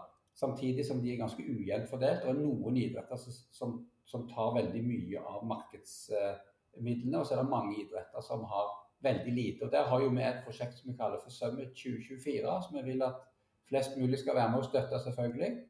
Og det er, det er et forsøk på å klare å ha et felles markedsarbeid med ti sommeridretter som har fantastiske prestasjonskulturer og flotte utøvere, men som samtidig har for lite penger til å realisere potensialet. Det er jo eh, en veldig viktig faktor med, med, med pengene. Og så merker vi òg en ting som skal være veldig oppmerksom på. Du er inne på det Asbjørn i sted, at samfunnet forandrer seg. Og ungdommen forandrer seg. Um, jeg har òg vært utøver sjøl. Den måten vi var utøvere på, den er veldig annerledes enn det vi ser er den vanlige utøveren som kommer inn i systemene våre nå. Og da må vi tilpasse oss det og være attraktive for de nye generasjonene ungdom. Måten de er sammen på, hvilke verdier de har, språket de bruker, hva slags forventninger de har til oss. For det vi hele veien må ha gode svar på, det er når de stiller spørsmålet 'What's in it for us?' For det er ikke vi som er poenget, det er de som er poenget. Og vi, vi må være relevante, vi må være dyktige og jobbe med de for at de skal bruke ungdomstida og få levd ut ambisjonene sine og virkelig se hvor gode de kan bli i idrett. Og Da må vi tilpasse oss de, samtidig som vi bærer på den nødvendige fagligheten, som ikke lyver for dem hva som trengs. For det er hardt arbeid uansett hva slags språk du har, eller om du snakker om kjærlighet, eller om du Du må rett og slett gjøre jobben det gjelder fortsatt. da. Uh, og, og, idrettene som f.eks. deltar i en OL eh, altså IOC forsøker å tilpasse OL, uh, hva skal jeg si, modernisere øvelser. Dorthea jeg har jo, sitter jo av og til her og snakker om de gamle OL-idrettene. Tautrekking og tau, tauklatring og, og, og, sånne ting som vi, lurer på. OSI òg har jo vært på OL-programmet. Ja, ja, ja, ja, Og de prøvde seg vel med puddel, puddelklipping i Paris i, i, 1900 som utstillings- eller sånn prøve, prøve, prøvegren. Det måtte jo være det, kanskje noe de kommer tilbake til neste år, neste år det. Uh, men eh, Dorthea, vi, vi, venter jo på at det kanskje kommer enda litt flere kvinnelige individuelle utøvere opp. da. Nå har vi noen sånne mannlige ledestjerner. Vi har noen veldig gode kvinnelige Lagspillere. Lagspillere. Og så har vi noen mm. i de, hva skal jeg si, anførselstegn litt mindre idrettene. Eh, hva skal til der? Du har jo forsøkt deg sjøl, eh, Dorthea. Hardtsatsende tennisspiller. Ja, Nei, jeg Ja, om det var skader eller motivasjon eller jeg tror det er en kombinasjon Hvis jeg kan svare bare for meg sjøl, da, eh, så er det en kombinasjon av mye. Eh, det er ensomt. Vi føler jeg trenger mer eh, Det er kanskje feil å si, men jeg tror vi jentene trenger mer kjærlighet og kanskje klapp på skulderen enn mange av de gutta. lett å sammenligne meg og Kasper, da, som er like gamle og reiste rundt. Og jeg satt og grein i Slovenia for jeg ikke fikk være hjemme på 17. mai. Og han sa at eh, pappa sa jeg får mange 17. mai hjemme etter jeg har lagt opp. Eh, så der er, der er forskjell. Eh, og jeg følte meg alene. Eh, dro på college, hadde det dritgøy, kom hjem, ble jo dessverre syk og skada og er fortsatt satt ut for det. Og det tar jo på motivasjonen. Så jeg vet ikke om eh, ja, jeg vet ikke hva det er, om de har et mer mangfold. Guttene henger jo lengre i, mener jeg da. Jentene detter jo fra tidligere. Men eh, Tore kan vel òg svare på hva de gjør for å få oss jentene med. ja, det der er jo et ganske nyansert bilde. Altså, det er helt åpenbart at vi har flere gutter som tar medaljer enn jenter. Men samtidig så har vi jo der disse lagspillene hvor jentene gjør det veldig bra. Og det er jo veldig mange jenter involvert i hver av de medaljene. Så det betyr jo at eh, antall individer som velger toppidretten, er kanskje litt mindre skjevt enn det ser ut på medaljestatistikken. Det er én side av det. Men det underkjenner jo ikke det faktum at det er flere gutter som satser på toppidrett enn jenter. Så kan vi stille sånn OK, er det sånn at jentene syns det ikke er fullt så gøy å drive med toppidrett? Er det derfor det er skjevt? Eller liksom, må det være 50-50 Hva skal vi tenke om det?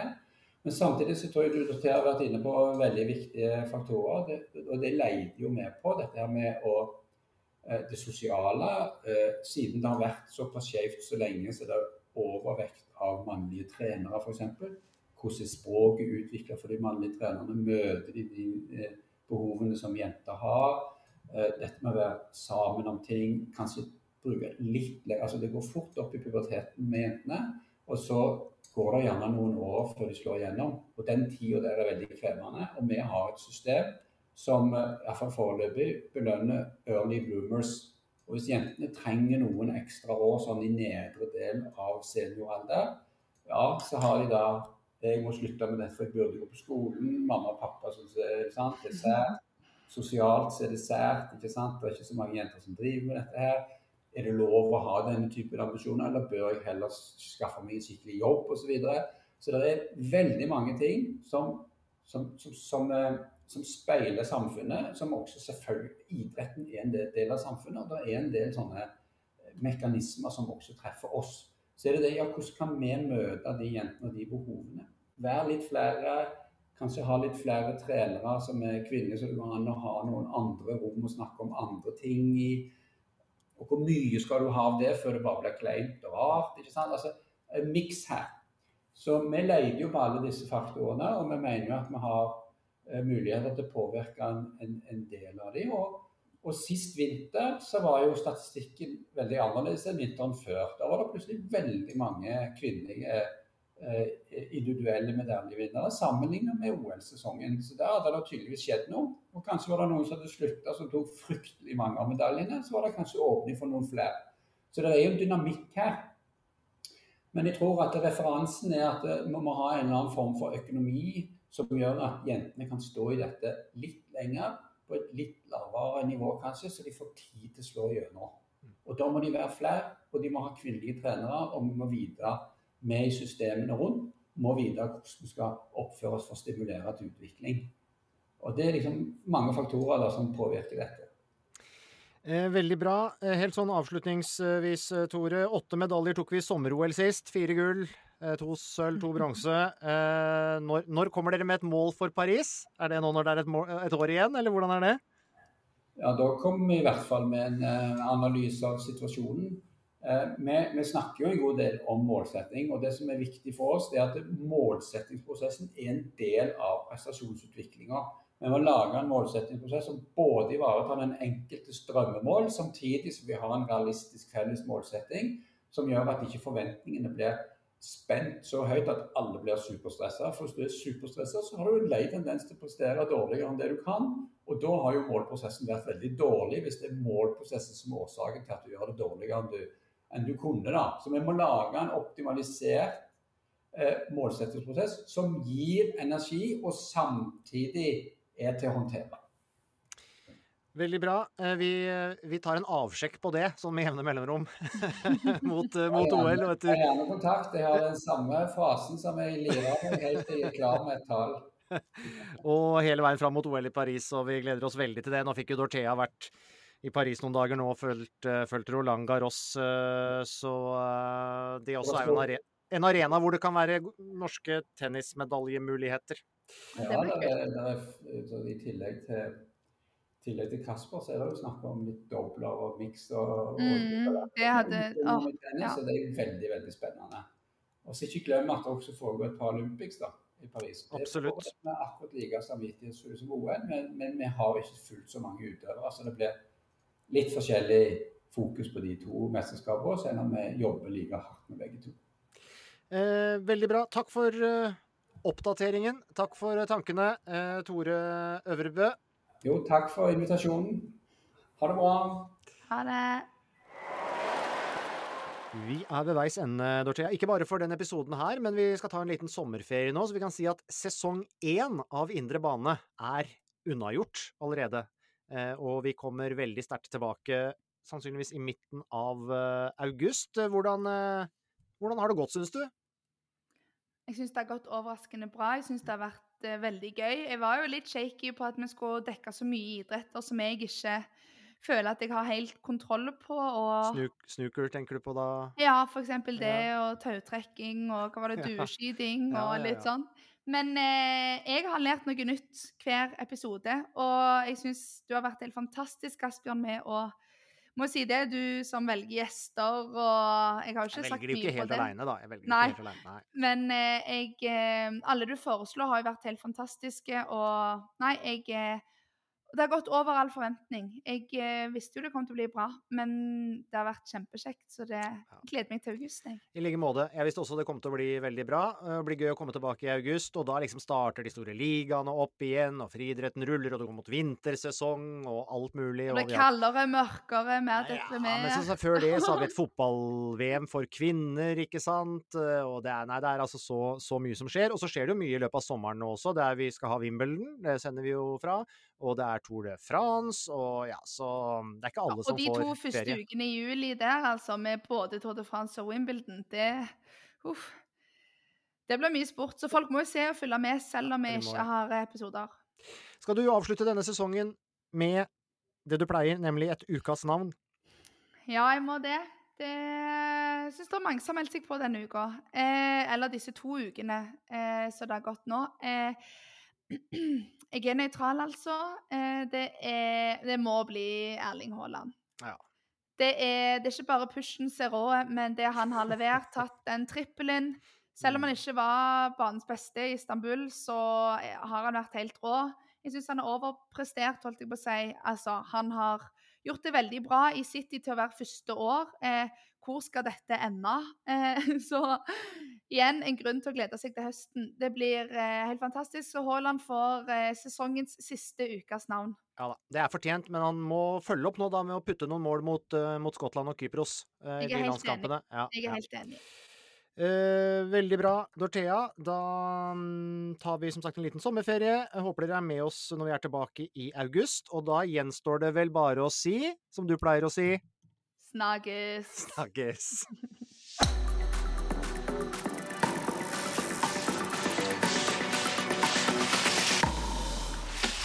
Mm-hmm.